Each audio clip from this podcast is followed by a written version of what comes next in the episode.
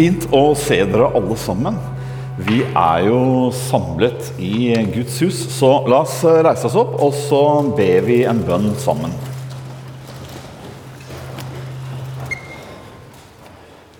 Himmelske Far, takk for at du sendte Jesus til oss.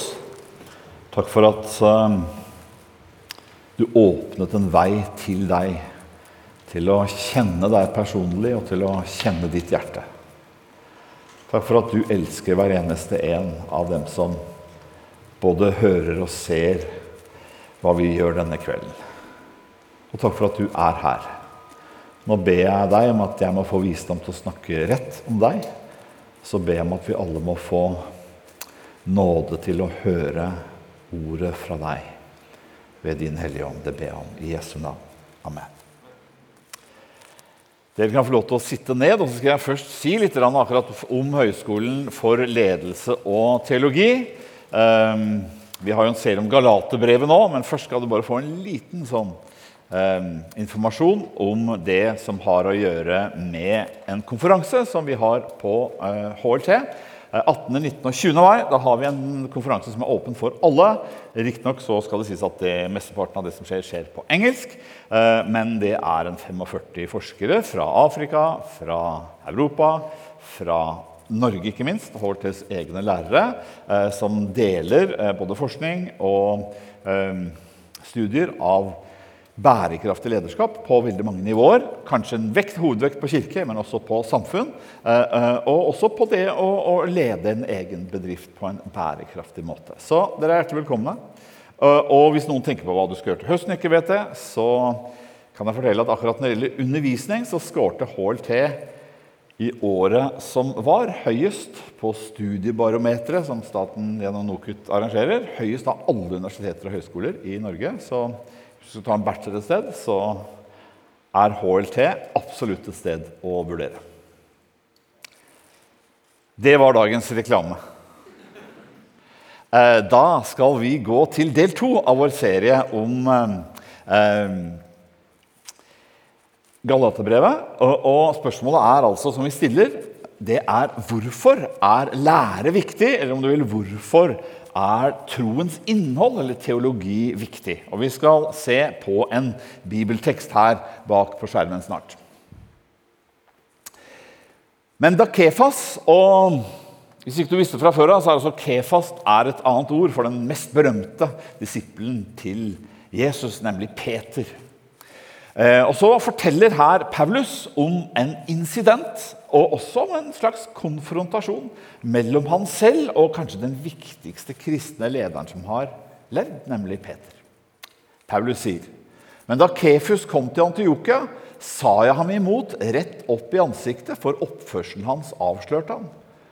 Før det kom noen fra Jakob, og får igjen forklare litt Jakob var Jesu bror og pastor eller prest i den mest innflytelsesrike kirken i verden på den tiden, nemlig Jerusalem. Det var moderkirken. Og Her står det ikke at han kom, men det kom noen fra kirken hans, um, som da var jøder. og et ord som Paulus bruker. Paulus selv er jøde, det skal vi se i denne talen.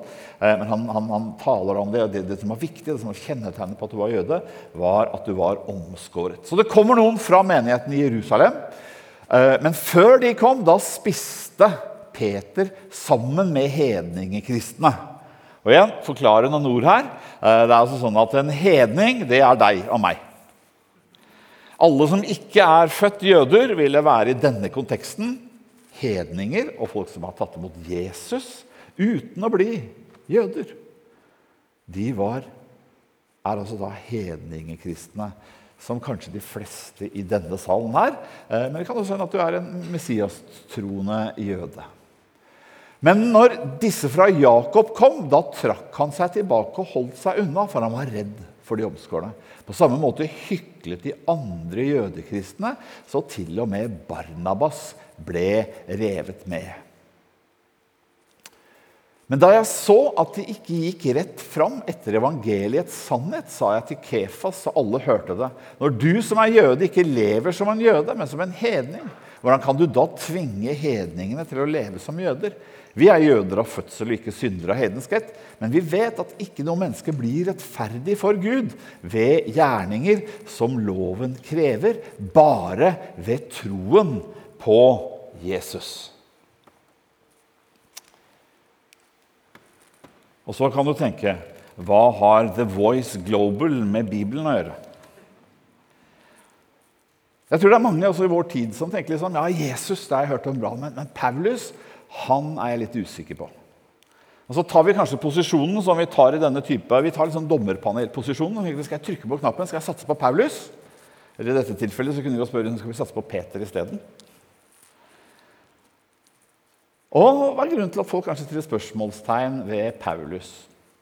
Eh, jo, Paulus, i motsetning til Peter, som kan virke noen ganger å være litt konfliktsky, så virker eh, Paulus til å være en mann som eh, ikke var redd for å ta en konfrontasjon. Og Da kan vi veldig fort eh, redusere sånt til psykologi. Man kan si liksom ah, det der med troens innhold det er ikke så viktig. Egentlig, egentlig er dette her bare liksom to mennesker som to mennesker som har en personlig maktkamp. Eller man kan si, som i religionssosiologien, at mennesker ofte da guddommeliggjør sine egne meninger. Og, og, det er det ofte. Det er en fristelse. Jeg har ikke falt i den fristelsen, men jeg kan si det er når jeg er veldig tettest på å falle i fristelsen og liksom komme med en slag, oppleve at min, mitt sinne er hellig sinne. Eh, og dette her er kanskje vanskelig for dere å forstå, men det er én ting som hva skal jeg si, tenåringsforeldre sliter mer med enn en alt annet. Og du kan vel love, for det er egentlig en ganske banal ting.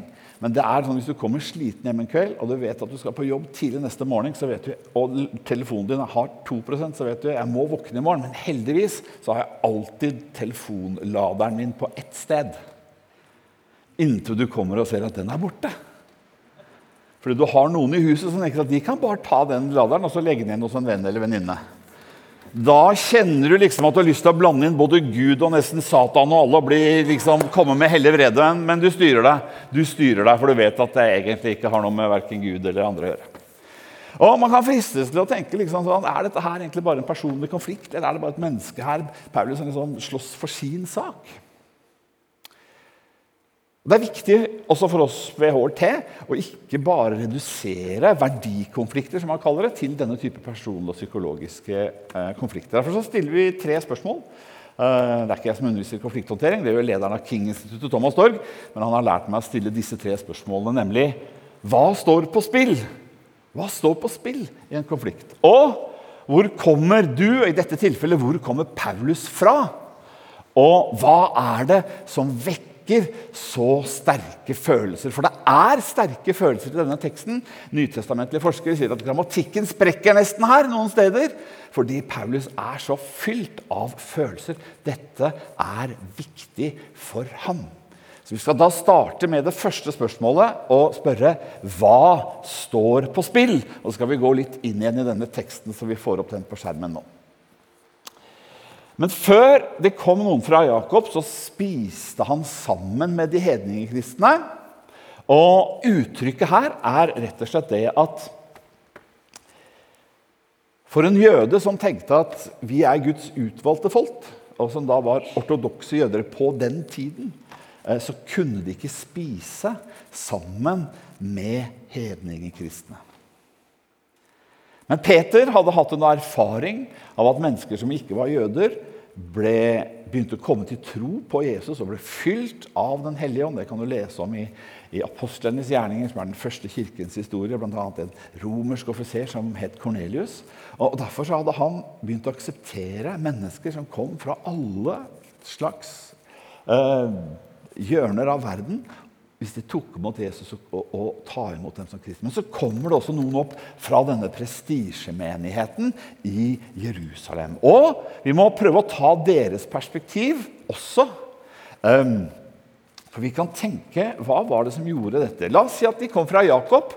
Nå var det kanskje ikke det, men denne litt tvetydige formuleringen kom fra Jakob. Si at Dette var liksom slektningen av Jesus som hadde sett han som de trodde var Messias, da, lide og dø. Så, og så hadde noen, nemlig disiplene og andre, sett han stå opp igjen. Og Det som var viktig for dem, det var at Jesus var Messias, den jødiske Messias. Han var kommet som jødenes frelser. og Derfor var det veldig vanskelig. For det er først etter Jesu oppstandelse at Jesus veldig tydelig sier 'gå ut i all verden og gjør alle folkeslag til mine disipler'. Og Dessuten så tenkte man kanskje at ja, det kommer en dag når alle folkeslag skal se Gud, men da skal alle komme til oss, til Jerusalem, og, og møte Gud der. Så dette her med at folk kunne bli kristne Det høres veldig rart ut for oss som lever i Norge i dag, men vi må forstå at det var fryktelig vanskelig for dem å akseptere det. At folk ikke først måtte bli jøder, og så bli kristne. Men og tydeligvis så hadde de makt og prestisje, så Peter han ble redd. Men da er det Paulus reagerer og sier at det du gjør nå, det kan virke som en bitte liten ting. Men det kan misbrukes av andre senere, og det skal vi se. De som var hans motstandere i menigheten Galatia, den som vi har her, de begynte å bruke dette for alt det de syntes det var verdt. For det Paulus mente, faktisk sto på spill her. Det var ikke bare spørsmålet om man kunne spise med hedningekristne, men egentlig hva som gjør at et menneske kan stå rettferdig og ha et rett forhold til Gud, stå tilgitt innenfor Gud og være Guds elskede barn, Guds elskede sønn og datter, for Jesu Kristi skyld. Paulus sier at hvis du først begynner å blande inn omskjærelse og det å bli jøde og holde loven, ja, da skal vi senere se at han sier da døde jo Jesus til ingen nytte. Det her, Peter, det kan være, det kan se, men andre kom til å misbruke dette senere. Og etter hvert begynne å kreve at de kristne i Galatia skulle omskjæres og bli jøder og holde hele Moseloven, selv om de også trodde på Jesus. Og Dette visste Peter, eh, og dette visste Paulus. Og, og, fordi Hvis vi spør hvor Paulus kom fra, så var han vokst opp i en jødisk familie. Han var født i byen vi kan ta neste bilde også, Han var født i byen Tarsus Ehm, som var en stor handelsby. og Paulus kom sannsynligvis fra en rik familie. Han var teltmaker, men de lagde ikke bare sånne telt som vi driver med. De kunne lage svære telt som den romerske armeen kunne bruke. Eh, det var også det egentlig være kunstner. Eh, og det hadde tydeligvis tjent mye penger, fordi faren til Paulus han var romersk statsborger, så det var en ganske rik familie. og Han kunne sende Paulus på den beste eliteskolen, den jødiske eliteskolen. Gamaliel satt ved Gamaliels føtter i Jerusalem og fikk opplæring. Og som liten gutt så lærte Paulus å elske Toraen. Eh, han lærte å elske det som vi da i vår kristne tradisjon kaller for Moseloven. Og Det fins spesielt én sekvens i Moseloven som, spiller, som, senere nå har blitt til på en måte også den jødiske tradisjonens trosbekjennelse. Og Jeg kjenner mange andre som har vokst opp i den jødiske tradisjonen, og de sier at dette å høre Shema det gjør et utrolig sterkt inntrykk. Og det er mektige ord som vi skal ta oss tid til å lese fra femte Mosebok. Der sier Gud gjennom Moses Han sier, 'Hør!' Israel. Herren, vår Gud, Herren er én. Og du skal elske Herren din Gud av hele ditt hjerte og hele din sjel og av all din makt. Disse ordene som jeg pålegger deg i dag, skal du bevare i ditt hjerte.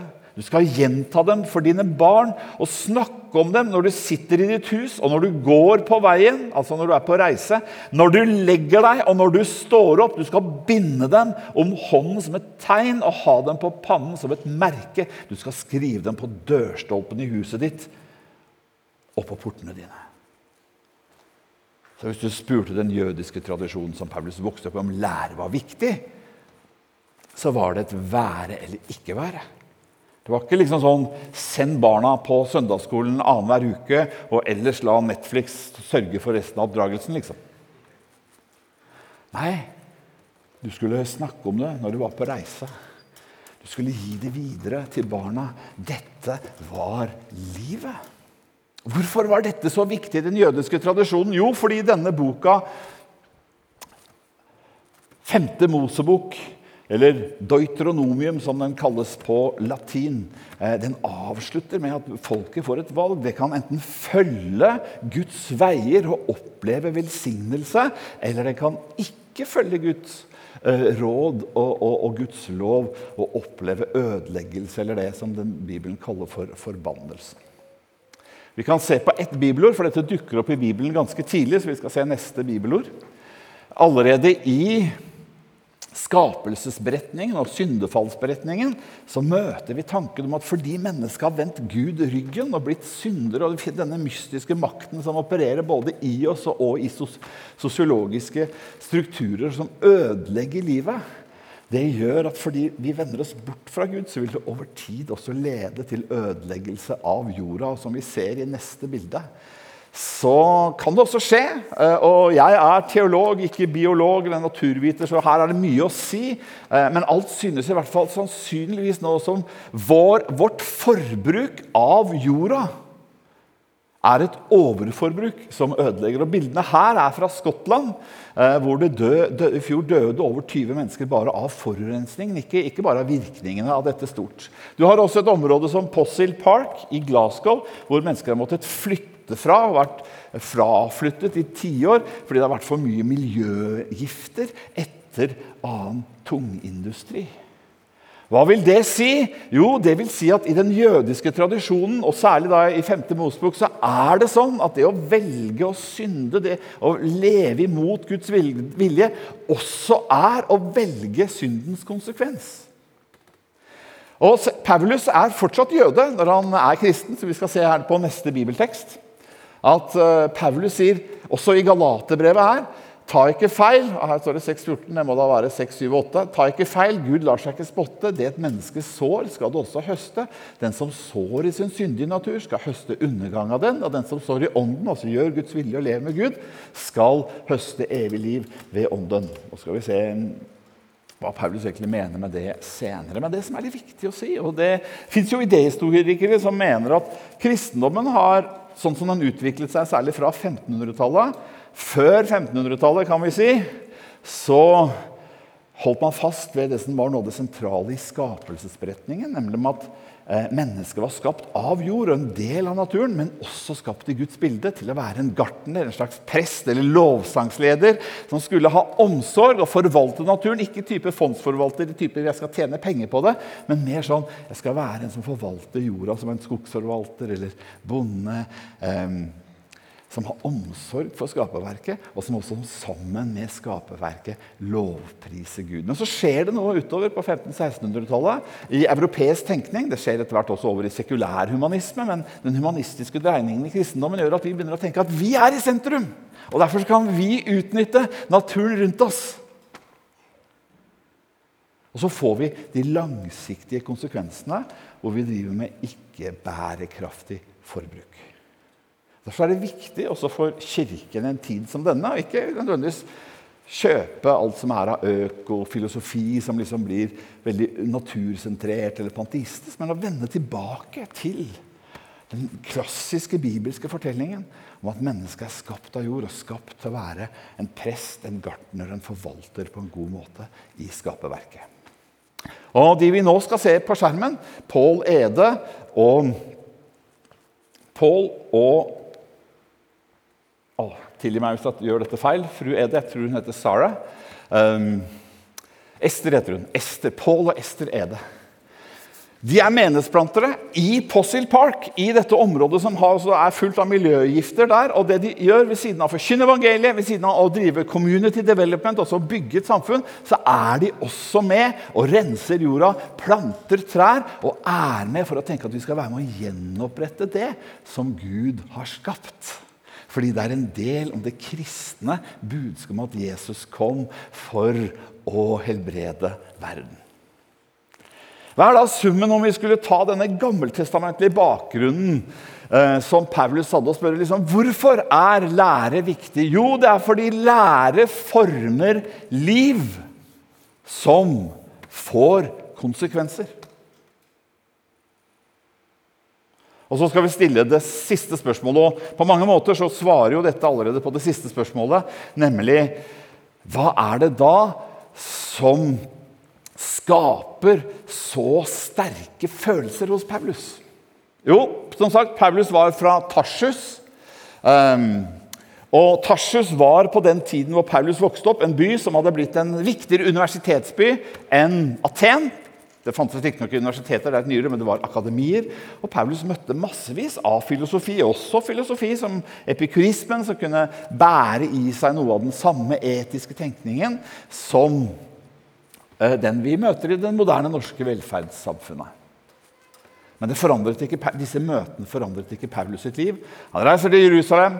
Han blir eh, en ledende person i et veldig religiøst samfunn, altså i, i, i, i Judea. Han blir ledende i fariserpartiet, og han opplever at denne nye kristne sekten som vokser fram, den truer den sanne lære. og Derfor så forfølger han kristne, han fengsler kristne. Han er enig i drapet, i mordet, som Bibelen sier, på den første kristne martyren Stefanus. Han er en kristendomsforfølger. Men så beveger han seg en dag fra, Damas, fra, fra Jerusalem opp til Damaskus. og på den veien får han et dramatisk møte med den oppstandende Jesus Kristus, som forvandler alt. Og Vi kan ikke gå inn på det møtet igjen, men vi kan si, lese hvordan Paulus beskriver hva som skjedde med livet hans når han møter Jesus. Han sier For for det er vi som er de omskårne. Vi gjør, gjør tjeneste ved Guds ånd. Vi har vår stolthet til Kristus Jesus og setter ikke vår lit til det ytre. Ytre sett har jeg grunn til selvtillit. Om andre mener de kan sette lit til sitt ytre, kunne jeg det enda mer. For jeg er omskåret på den åttende dagen. Jeg er av Israels folk og Benjamins stamme. Hebreer av hebreerbrevere. Lovlydig fariseer. En brennende og ivrig forfølger av kirken. Uklanderlig i min rettferdighet etter loven. Men det som før var en vinning for meg, det regner jeg nå for Kristi skyld som tap. Ja, jeg regner alt som tap. For det å kjenne Jesus Kristus, min Herre, er så mye mer verdt. For hans skyld har jeg tapt alt. Og alt jeg har tapt, regner jeg som verdiløst skrap, bare jeg kan vinne Kristus. Det som skjer i Paulus sitt liv, det er at han går fra en høystatusreligiøsitet Han har bygd opp noe og kanskje også tenkt at han kunne bygge på en måte sitt gudsforhold gjennom å gjøre gode gjerninger, men også bygge sin status i samfunnet gjennom å gjøre disse tingene som hadde stor anerkjennelse. Han går fra den høye statusen i menneskelige øyne til å bli en som sier nå er det bare én ting som betyr Eller det fins én ting som betyr mye mer enn det. Og det er å kjenne Jesus Kristus. Og Senere skal vi se at han beskriver Jesus som han som elsket meg og ga sitt liv for meg. Vi tar neste bibeltekst. Derfor sier Paulus at når dere skal se på meg Det var nok litt sånn The Voice avstemninger denne gangen også.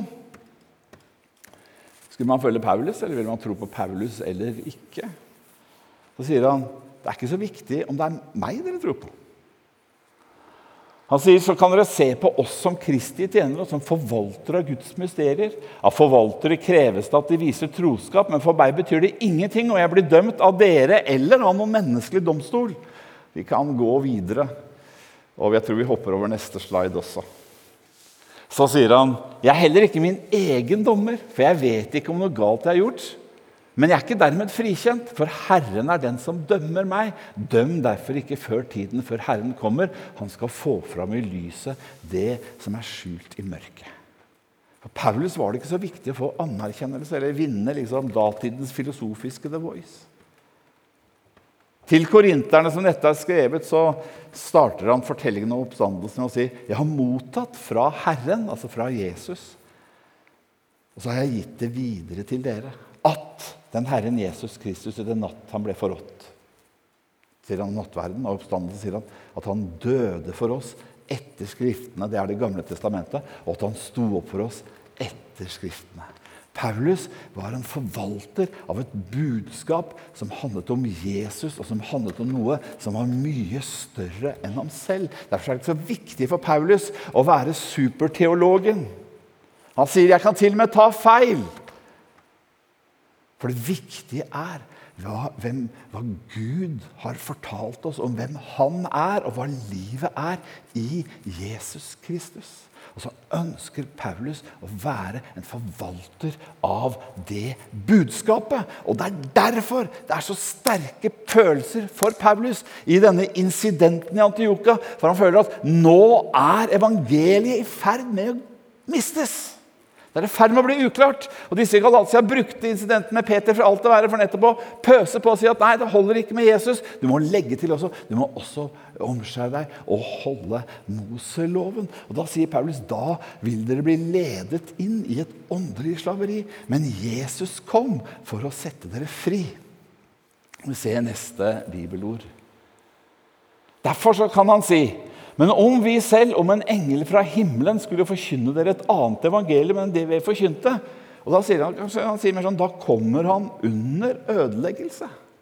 Hvorfor det? Jo, for da må jeg jo stå til ansvar da, for, eh, hvis jeg skal stå innenfor Gud basert på hva jeg får til av gjerninger. Så må jeg jo holde hele Moseloven. Jeg må være et perfekt menneske som elsker Gud av hele hjertet. Og hvem gjør det? Så kan man kanskje si ja, det er den teksten her, det viser at ja, Paulus han er en litt sånn gretten, hard fyr. altså. Hvis ikke dette her er hatprat, så vet ikke jeg. Men jeg tror ikke det er hatprat. La oss se på neste bibeltekst som eh, ligner, men som sier veldig sånn tydelig hvordan Paulus tenker om sine jødiske brødre og søstre. Og Det er selvfølgelig en tragedie at folk i kirken har faktisk misbrukt tekstene i Galatia til å liksom bli antijødiske. For her ser du hvordan Paulus tenker om sine jødiske brødre og søstre. Han sier jeg har en stor sorg i hjertet, noe som alltid piner meg. Jeg skulle gjerne selv vært forbannet, altså skilt fra Kristus, om det bare var til hjelp for mine brødre og landsmenn. De er jo israelitter. Dem tilhører barnekåret, Guds herlighet og paktene. Deres er loven, tempeltjenesten og løftene. Han hadde lært alt om Gud i sin jødiske tradisjon. Og Kanskje hadde han som liten gutt reist med faren sin til Jerusalem og sett Jom Kippur, hvor de eh, bar fram ja, Det er flere tradisjoner, men hvor de også bar fram i, i, i, Vi får ta en liten bit av det. Bar fram lam som skulle bære eh, folkets synder. Når Paulus møtte Jesus, så skjønte han at Jesus var Guds lam. Det vil si han som ga seg selv og tok konsekvensene for våre synder og bar verdens synder på seg, sånn at ikke vi skulle oppleve konsekvensene og, og, straffen for det, men at Gud i Jesus Kristus kunne møte oss som om vi aldri hadde syndet, som hans elskede sønner og døtre. Og kanskje når han ble enda eldre Han sier nemlig på slutten av livet sitt Paulus, at nå skal jeg ofres. Det var nemlig sånn at Dette her var noe han la ned livet sitt for å forkynne. Sannsynligvis døde Paulus som martyr. Han døde for sin tro. Hva sier det om Jesus Kristus? Jo, Det betyr at Jesus Kristus kan forvandle et, en høystatusperson som dreper andre, til å bli en som gir livet sitt for andre. Fordi han har møtt Guds kjærlighet i Jesus Kristus. Hvorfor er da lære viktig? Vi kan ta neste slide. Fordi lære former liv som får konsekvenser.